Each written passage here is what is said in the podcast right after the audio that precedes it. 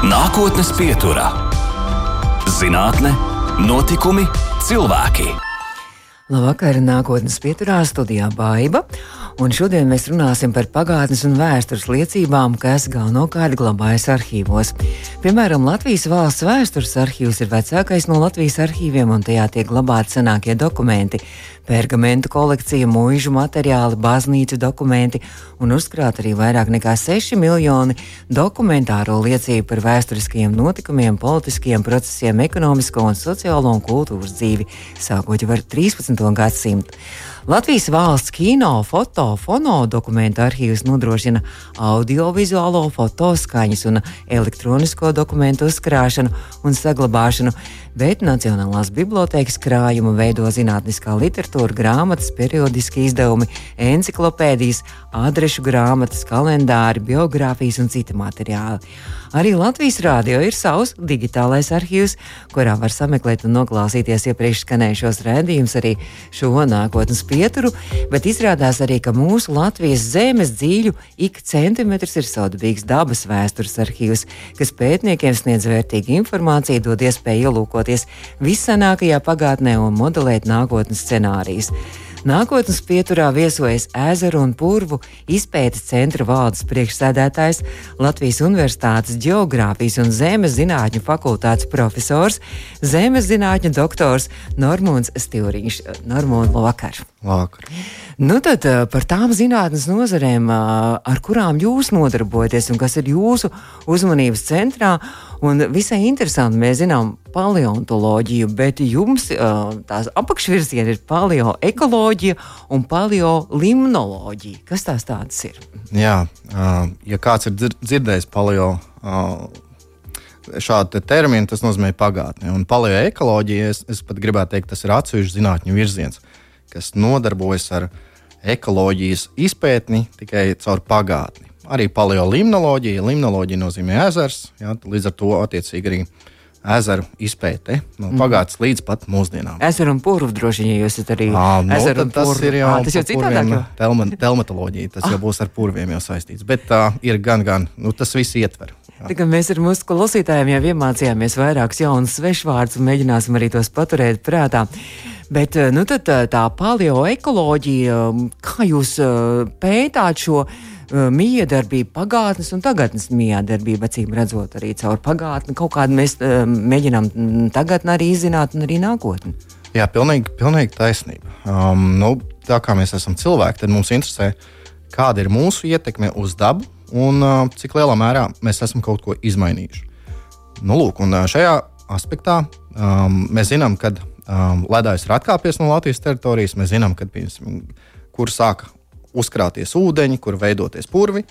Un, uh, Apmēram pirms 11,000 gadiem, um, ja mēs tā runājam. Ja? Ledus, ledus laikmets beidzās pirms 11,700 gadiem, bet ledājs no Latvijas teritorijas atkāpās jau pirms 14, 15,000 gadu senā pagātnē.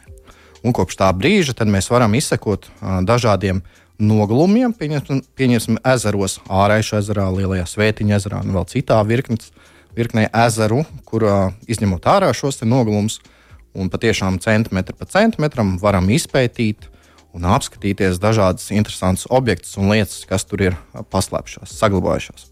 Tā kā jūsu izpētes tas laika nogrieznis ir visai, visai plašs, apmēram 15,000 gadi, ja kopš tie ledā atklāpās no Latvijas. Jā, es esmu specializējies tieši šim laika, laika posmam, nu, diezgan garam, protams, priekš cilvēku tas ir neaptverams laiks, bet tas ļauj paskatīties uz lietām tādā ilgtermiņa perspektīvā, nu, pieņasim, ja mēs izcērtam mežu un, un mēģinām atjaunot viņu, tad mēs gribam atjaunot dabīgu mežu. Tad ir jautājums, kas ir dabīgs mežs, jo pirms šīs ietekmes kādu brīdi iepriekš pastāvēja šis dabīgais mežs, pirms cilvēks ieradās. Nu, lūk, tad es varu izpētot putekšņus no noglumiem, no ezera dūņām, tad es varu pateikt, piemēram, kāds mežs bija ap ezeru Mm -hmm. Bet jūs arī nākotnē arī daudz maz varat kaut kādā veidā modelēt un droši vien arī mēģināt tajā ielūkoties un arī prognozēt. Jo, jo mēs jau arī pirms rādījuma runājām, noskatījos arī vienu jūsu prezentāciju par klimatu pagātnē, tagadnē un arī nākotnes prognozēm.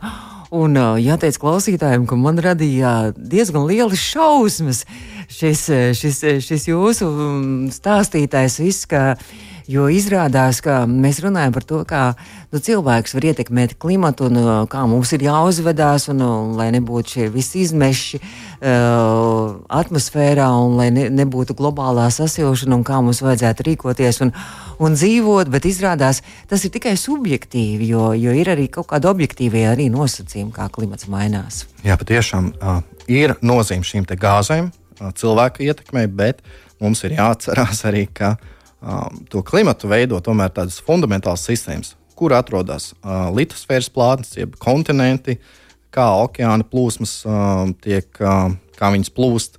Un kaut vai tā pati attiecība geometriskā pret Sauli un Zemi, ja, tad, uh, kur, kā mēs riņķojam ap Sauli, cik daudz saules enerģijas mēs saņemam. Uh, vai ir vulkāna izvirdumi, nu, daudz dažādu citu faktoru, kas pat, uh, papildus mūsu darbībai, ja tomēr regulē un nosaka šo klimata sistēmu. Un ne jau tikai uz Zemes izrādās, ka Zemes asa arī tur nobīdās. Un, un, un tad tur, tur, tur ir briesmīgi, vispār briesmu lietas jūs stāstījāt. ne, nu, tas tāds dabīgs process, kuru mēs ļoti, mm, kur, kurš ir matemātiski aprēķināts un pierādīts caur dažādiem pierādījumiem zinātniskiem. Ja, tad uh, patiešām Zemes asa ir mainīga laikā.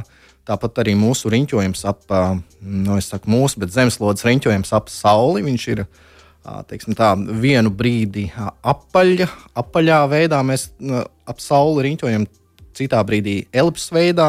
Nemaz nu, ideāli mēs neriņķojam. Nu, nē, un vēl tā zemeslode pat par sevi grīļojās. Mazliet tā kā veseli trīs dažādi aspekti ir zemeslodē viena, un droši vien mēs vēl varētu tur saskatīt. Un tas arī viss, arī tās viss ietekmē klimatu. Un, un arī par šiem ledus laikmetiem tas nozīmē, ka Jūs pētāt to laiku, apmēram pirms 14,000 gadiem sākot, bet izrādās ir tāda vairāk ledus laikmeta, un tie periodiski arī atkārtojās. Un kaut kad nākotnē atkal tāds varētu arī būt, neskatoties, kā mēs uzvedīsimies un kā mēs rīkosimies un centīsimies eh, saglabāt arī šo zemi tīru. Jā, patiesi tā ir bijis, ka ledus laikmeta atkārtojas un starpledus laikmeti cikliski.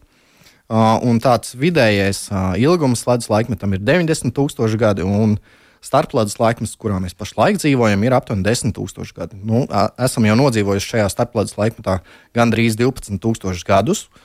Gadu, tas nozīmē, tas, tas nozīmē, ka teorētiski vajadzētu sākties nākošajam ledus laikmetam. Bet tā kā mēs veicinām ar dažādām da savām aktivitātēm šo klimatu mazliet sildam, diezgan iespaidīgi, tad uh, ir aprēķināts, ka nākamais uh, ledus laikmets varētu iestāties pēc 10 vai pat vēl ilgāk, pēc 50 tūkstošiem gadu. Ja? Jo vairāk palielinās CO2 un citas gāzes atmosfērā, tā mums šis laiks atkāpjas mazliet tālāk uz nākotni. Tā īstenībā tāda pretrunīga ir viss šī, šie, šī informācija, un pretrunīgi ir tā, kas nu, tieši ne, kā, kā, kā izvērtēt, kā labāk rīkoties. Varbūt tieši otrādi vajag šo mm. klimatu mm.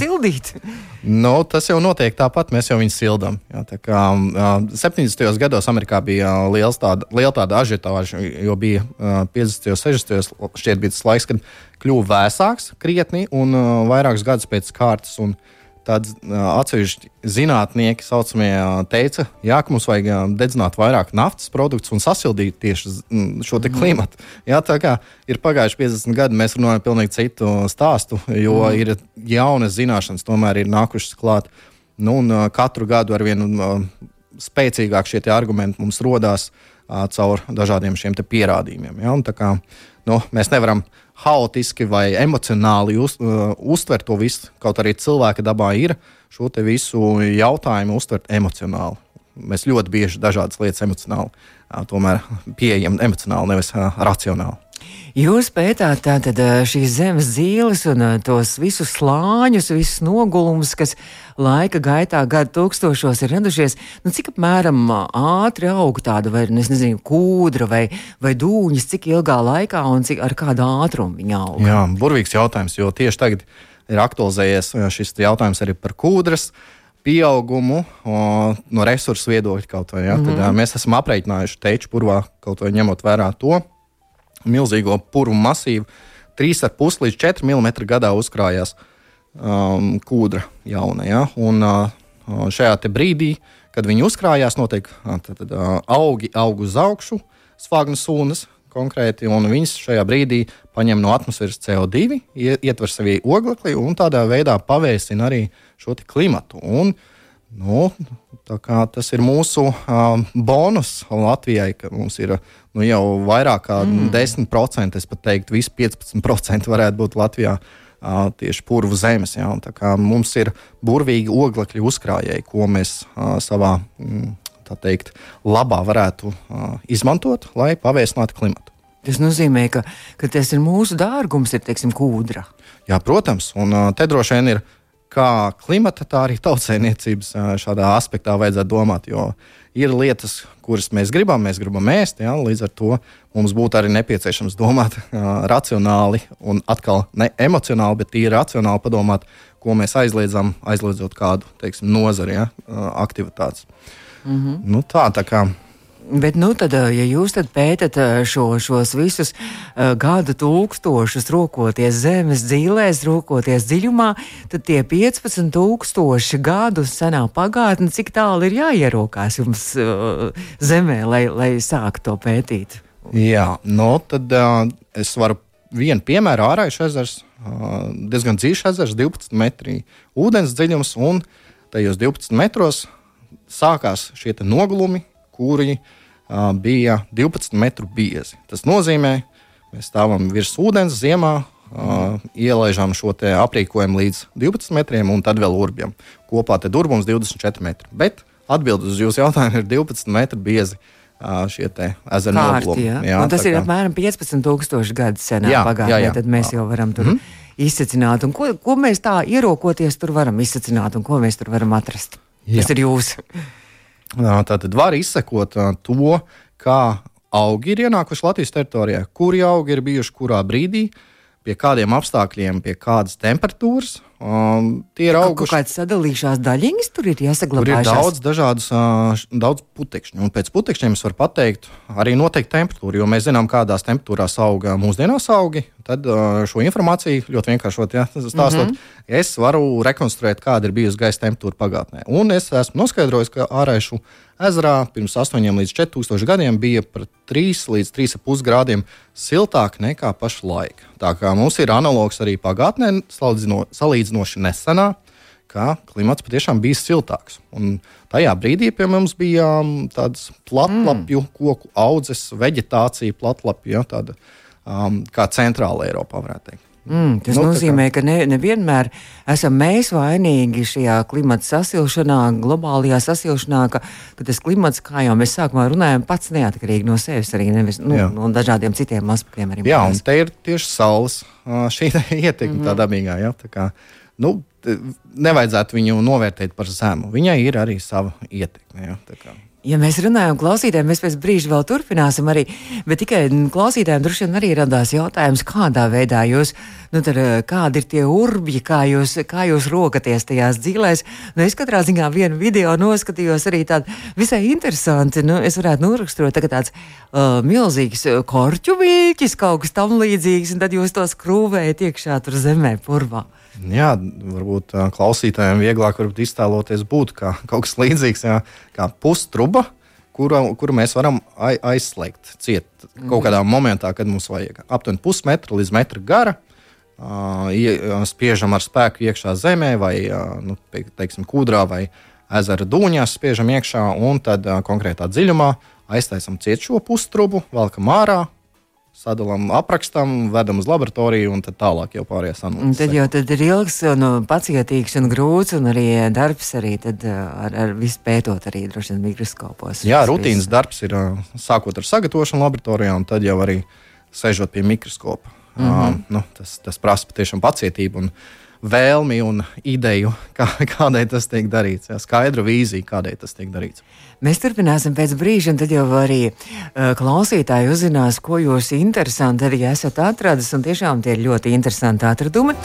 Mūsu nākotnes pieturas viesis šodien Latvijas Universitātes Geogrāfijas un Zemes zinātņu fakultātes profesors, Zemes zinātņu doktors Normons Tīriņš. Nākotnes pieturā. Turpinām nākotnes pieturu. Šo raidījumu rīt varēsiet noklausīties arī mūsu mājaslapā, audio sētē, arī lielākajās podkāstu vietnēs. Un šodien nākotnes pieturas viesis ir Ezeru un Pūru izpētes centra valdes priekšsēdētājs Latvijas Universitātes Geogrāfijas un Zemes zinātņu fakultātes profesors, zemes zinātņu doktors Normons Tilriņš. Un mēs jau runājām par jūsu atklājumiem un tādiem interesantākiem tad, manuprāt, tas arī viens no tādiem, kas droši vien arī jums pašam uh, lielu saviņojumu radīja, un tas arī radīja atsaucību arī dažādos mēdījos. Uh, Pagājušajā gadā, ja nemaldos, jūs atklājāt tādu interesantu lietu kā vulkāna pelnus arī.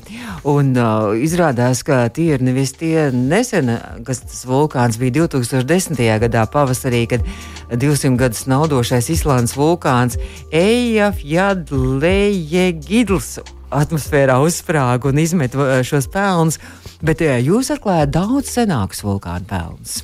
Tieši tā. Um, tas bija mazliet jau 16. gadā, ja godīgi es viņu esmu ah. publicējām zinātnisko rakstu. Uh, bet nu, pašlaik plašāk kaut kā viņš ir izskatījies. Nezinu, kurā brīdī kāds ir kaut ko pa, pa, pa, pacēlis šo mm -hmm. ne? Bet, uh, Jā, tas bija apzināti. Es gāju uz šo atradumu. Um, zināju, ka Latvijā noteikti viņam vajadzētu būt vismaz kāda, kādām pelnu daļiņām no kāda vulkāna izvirduma. Un uh, radās iespēja jā, apgūt šo metodi. Pēc tam braucu uz Zviedriju, pēc tam arī pašas daļiņas vedu uz uh, Vāciju un dažādi mm, analizēju viņas. Ja, tā, tā. Uh, Ārējais ezerā, Trikāts um, ezerā un arī Teiču purvā atradu vulkāna izvirduma pelnus no 1875. gada izvirduma Askja vulkāns Islandē, kurš izvirda attiecīgi Islandē, un šīs mm -hmm. daļas tika atpūstas ar vēja palīdzību. Nu, pie, pie mums pat ja, diezgan tālu ceļu mērojušas. Un, uh, šis atradums, ko viņš liecina un kādēļ tas ir svarīgi, ka mēs varam tīri no ģeoloģiskā viedokļa skatīties, Tātad uh, mēs atrodam konkrētā dziļumā pelnu da daļiņas, un mēs varam saprast, kāds vecums ir uh, konkrētajam slānim, kas ir uh, virs. Uh, Tātad viss, kas ir virs šīs, mm -hmm. šīs slāņa, ir uh, jaunāks, un kas dziļāk, ir vecāks. Kā arī norāda faktu, ka mēs kaut dzīvojam kontinenta iekšējā daļā, mēs neesam nemaz tik aizsargāti no šādām likstām, jā, no vulkāna dabas katastrofām. Pat Islandē, ja notiek mm. vulkāna izvirdums, tad patiešām mums ir jāsausās un jās, jāsako līdzi šai situācijai. Nesen, starp citu, man po, poļu kolēģi atrada Polijā um, vulkāna pelns no Aļaskas vulkāna izvirduma Ziemeļamerikā. Mm. Tātad šie, šī, šie pelni, šīs pelnu daļiņas līdz Polijai pat bija ceļojušas 6000 km attālumā. Ja? Tā kā patiešām šie izmēri, kad mēs skatāmies zemeslodi, nu, nav viņi nemaz tik tālu. Cilvēkam varbūt šķiet mhm. tālu, mm -hmm. bet tas tā. Arī vasarās reizēm ir, ka tā, tāds ir sarkana mīgla, ir reizēm vasarās bijis. Vai šovasar bija, bet iepriekšējā, man liekas, vasarā arī klausītāji mums ziņoja, ka tāds dīvains, dīvains it kā tāda dūma, ka sarkana dūma, un, un tad arī uh, dažādi sinoptiķi un, un Toms Bricis, mūsu guru, arī teica, Jā. ka ir, tas ir uh, atpūsts laikam no Āfrikas, arī no tūkstošiem arī šie, šie, šie kaut kādi smilšu daļiņas. Arī, Jā, uh, pie noteiktiem apstākļiem pateicīgiem šīs, patiešām šīs smilšu daļiņas viņas var tikt atpūstas arī pāri visai Eiropai, līdz pat mums no Āfrikas. Mm -hmm. nu, un, ne tikai pelnu daļiņas, bet arī dažādas gāzes. Ja notiek vulkāna izvirdums, ja šīs gāzes arī var nonākt atmosfērā, tās arī var iekrāsot mums, cilvēkiem, šķietam, kaut kādā krāsā debesis. Ja, un... Bet par tiem pelniem runājot, tad nu, jūs mērķiecīgi, cik redzot, jūs kaut kur prognozējat, ka vajadzētu būt, ja? vai, vai tā bija tā nejauša atradums? Um, no, nu, es meklēju dažādās vietās, dažādos laikos, teiksim tā. Uh, tie ir nogaluma laikos. mm -hmm. uh, tie bija tādi nesenākie, ko es uh, mērķiecīgi skatījos, jo man bija zināms uh, vecums, šiem pašiem nogulumiem, tad es varēju izvēlēties mērķiecīgi, kurās zonās meklēt, kādā dziļumā. Un tad es vēl atradu Jāraišu ezerā aptuveni 14,000 gadus sena vulkāna izvirduma. Vulkāna pelns. 14,000. Jā, tikko bija izveidojis ārējais ezers. Tā kaut kur Eiropā, visticamāk, tā bija Vācija. Starp citu, Vācijā bija tajā laikā vulkāna izvirdums masīvs, kurš, kura pelni iespējams atceļoja arī līdz Latvijas teritorijai. Bet nu, visai dīvaini, nu, pelns tas ir tik, ka liekas, pelni tik trausla lieta un tik gaistoša lieta, kā, kā vispār šādas pelnas var konstatēt un arī saprast, Jā. ka tie ir pelni. Um, Ļoti labs jautājums. Uh, nu, tad, uh, kā viņi var nonākt vispār? Ja? Tad, tad, tad man analoģija ir malkas kurināšana. Mēs kurinām kaut ko, tad gaisā ir arī kaut kāds piesārņojums nonāk. Ja?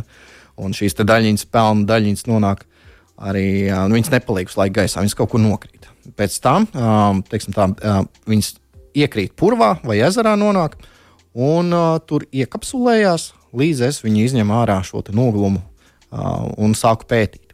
Tad, kad es atrodu šīs pelndaļas, es viņus manuāli ar roku izlasu ārā zem mikroskopa. Jā, tas ļoti cimperlīgs darbs. Un tur jau un, ļoti uzmanīgi. Jā, nu, man tā kā ir arī. man arī mazliet trīc rokas šajos momentos, parasti, ka es to daru. Bet uh, pēc tam es izlasu ārā tās daļiņas un uzlieku speciālu tādu līmpapīru, kur pēc tam ar uh, dimanta pulējumiem, uh, smilšpapīriem notīram uh, virskārtu un tad liekam zem lāzeriem uh, dažādiem. Ja, un, un tad, uh, teiksim, tā, iznīcinām tās daļas, bet tajā brīdī, kad mēs viņus iznīcinām ar lāzeru, tad rodas uh, gāzu mākonītes maziņš, ļoti mikroskopisks, un tad mm, izmērām, kādas tur vielas ir iekšā. Pēc tam jau salīdzinām šos ķīmisko mm, sastāvu, ko es tikko esmu izmērījis, ar to zināmo vulkāna um, tā, ģeoloģisko un ķīmisko ierakstu, kādam, kāda ir, kāds ir sastāvs šim vulkānam. Tad ir kaut kāda datu bāze. Ir datu bāze jūs... speciāls, mm -hmm. ir pasaules, Eiropas vulkānu datu bāzes, kur speciāli Islandes ceļušķi zinātnieki strādā pie tā Anglijā arī, lai izveidot šās, šādas datu bāzes. Un tad mēs varam kartēt, kur, cik plaši, um, teiksim, kādi vulkāna izvirdumi ietekmē konkrētus reģionus, un tādā veidā šīs zināšanas jau mēs varam integrēt vai ievietot kaut kādos modeļos, kas mēģina prognozēt kaut kādu vulkānu izvirdumu ietekmi mm. un uh, skatās teritorijas arī. Un arī prognozēt arī nākotnē, ja kāds vulkāna izvirdums gaidāms. Tā kā šopavasar arī bija satraukšies, viss kā atkal tur izslēgts. Es domāju, mēs laiku satraucamies par, par kaut ko.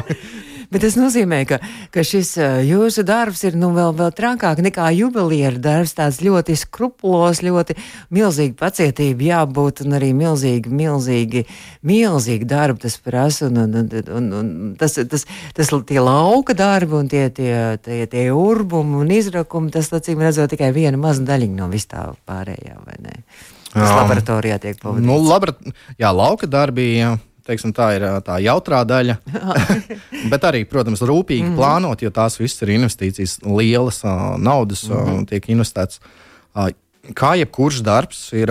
Kaut kāda specifika viņai ir. Un es neteiktu, ka juvelieram ir uh, mazāk uh, rūpīgi jāstrādā kā man, bet uh, nu, katram savu specifiku. Mm. Un, uh, jābūt ir, jā, nu, tai vēlmei un deksmei uh, patiešām to darīt. Jo sēdēt stundu pēc stundas, uh, tīri skatīties mikroskopā, tāpat nu, būtu diezgan muļķīgi. Ja? Kā, ja ir mērķis un tā vīzija, kas ar to tiks panākta, kāds labums būs sabiedrībai, ja? tad, tad arī galvenais ir tas, ko mēs varam dot. Ne tikai par sevi, ne, ne tik daudz kā ego, varbūt apmierināt, bet tīri padomāt, kā tas virzīs tālāk mūsu sabiedrību, kā attīstīs. Runājot par šīm visām mazajām mikroskopiskajām daļiņām un makroskopiskajām daļiņām, tad uh, ne tikai pelnus jūs pētat, arī putekšņus un ziedputekšņus tā skaitā, un tikko gan noslēdzās laikam viens ļoti liels starptautisks pētījums, kurā arī Latvijas komandai, tā skaitā arī jūs piedalījāties.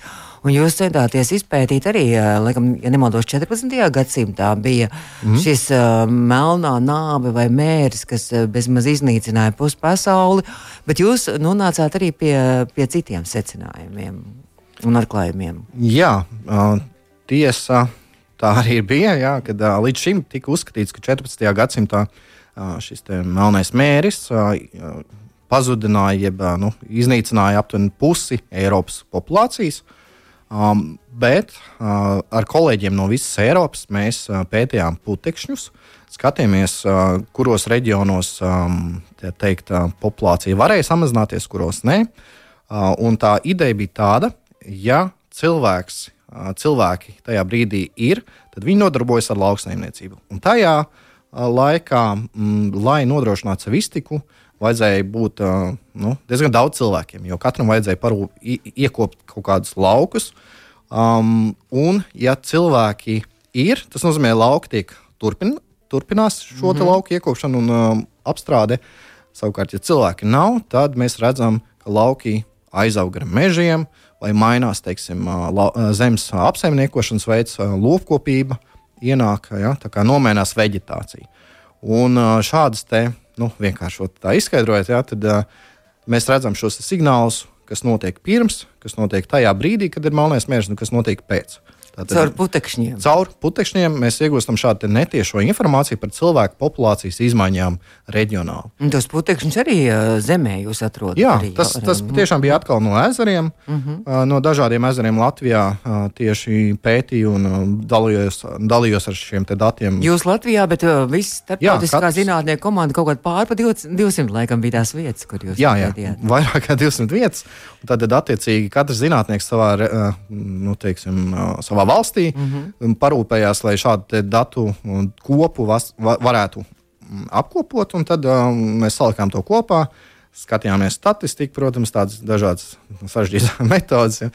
Uh, un, uh, jā, un tāds šķietam vienkārši, vienkārši pieeja, bet līdz šim neizmantot. Ja. Kā, mēs turpinām šo darbu jau, ar um, nu, par citiem nozīmīgiem laikiem cilvēkiem. Tā kā nu, mm -hmm. publikācijas sekos droši vien ne šogad, bet cerams, ka nākošais gads jau. Un arī tad varēsim parunāt. Jā. Bet jā, šajā, tātad, šajā pētījumā jūs konstatējat, ka nav nemaz tā, ka, ka 50% visas Eiropas izmira, ka atsevišķās vietās bija pat tīri e, normāli, ka šī pandēmija neskāra tik, tik, tik spēcīgi. Arī. Jā, un to jau mēs varam vilkt kaut kādas paralēlas. Mums ļoti interesanti sanāca, ka šī publikācija sakrita to laiku, kad pandēmija, bet tas nebija apzināti. Patiešām kaut kā sakrita. Un mēs vienkārši sākām vilkt arī analoģijas.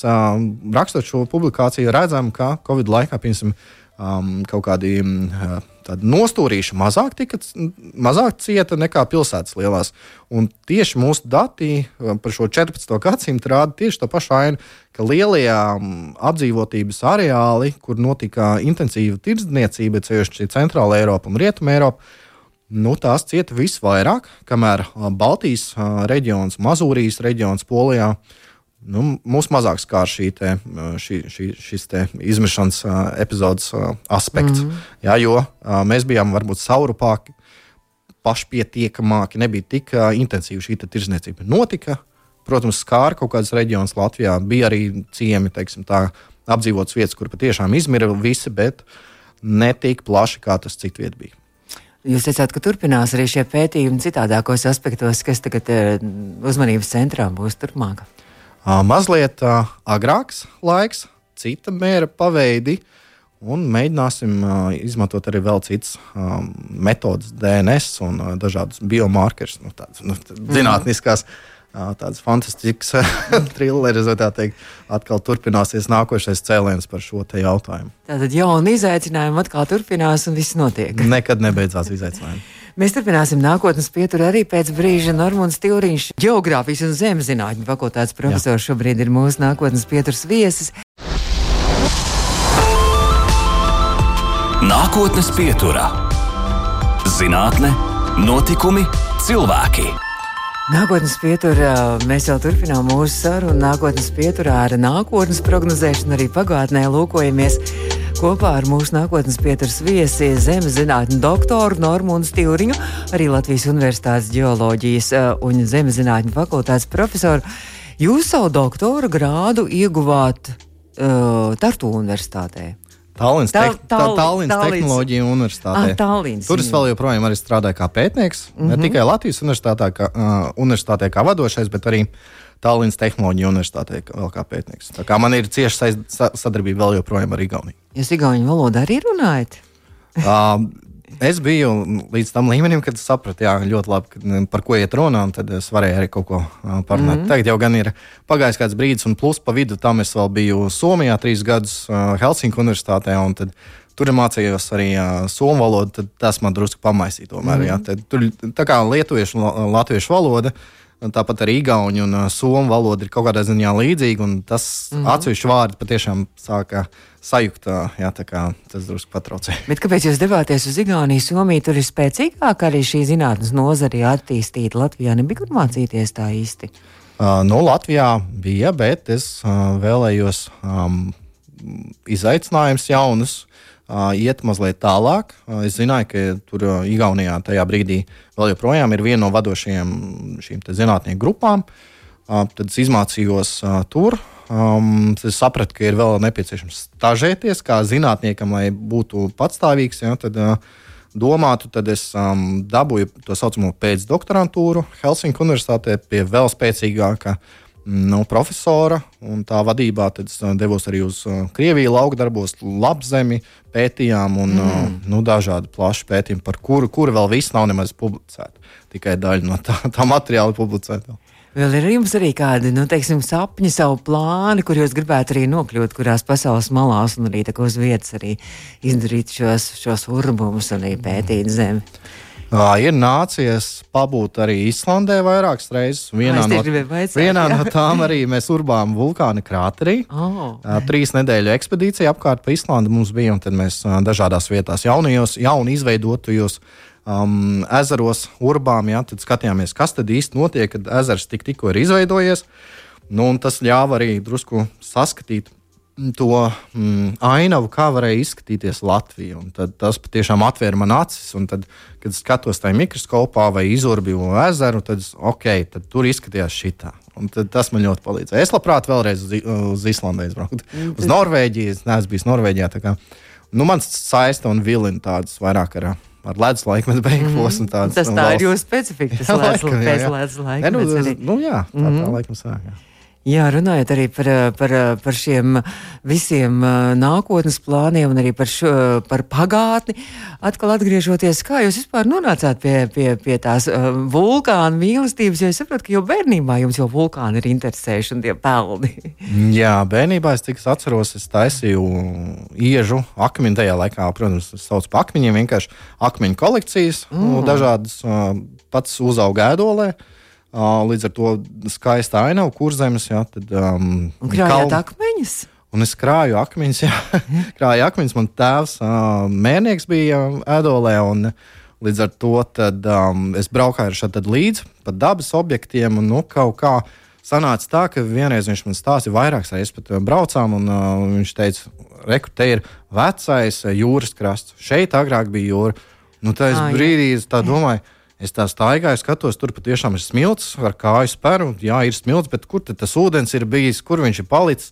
Nu, acīm redzot, tā, tā, tā zināšana kāre sākās jau tajā brīdī, un plus vēl tā ēdos tā visā mm, kalnainā, paugrotā un uh, graudu pilnā ainava. Uh, klīstot jaunībā pa turieni, tad patiešām nu, urdīja šie jautājumi, kas vēl joprojām nav atbildēti vislielākā daļa, protams. Un arī zināmā mērā arī kaut kāda zināmā arī romantikas deva droši vien arī tam visam. Jā, ne, tiem pētījumiem. Jā, protams, protams nu, daba jau viņa nomierina, uzlādē un arī uh, rosina kaut ko darīt. Tā kā mm. jebkurš cilvēks arī mājā, kad es atgriežos, cenšos arī pavadīt laiku ar sevi pie dabas. Jā, tā kā pastaigāties mums pašiem patīk arī kaut vai, ja pilsētnieki ejam, kur aiziesim pastaigāties pa pilsētu, bet ļoti bieži mēs atopamies staigājot pa parku, jā, jo tas ir vistuvāk tomēr dabai.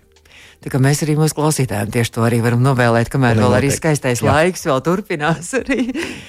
Ko ziemā jūs arī ziemā arī turpināt arī dažādus šos lauku darbus, vai ziemā tomēr pie mikroskopa? Ziema ir vislabākais laiks oh. tieši, lai uziet uz ledus, jo nav Aha. putekšņi gaisā lieki. Ja es pētu aļģis ezerā pirms nogalumos, tad nav aļģis, nu, viņas nevairojās. Ja, mazāks fons ar piemaisījumiem potenciāliem.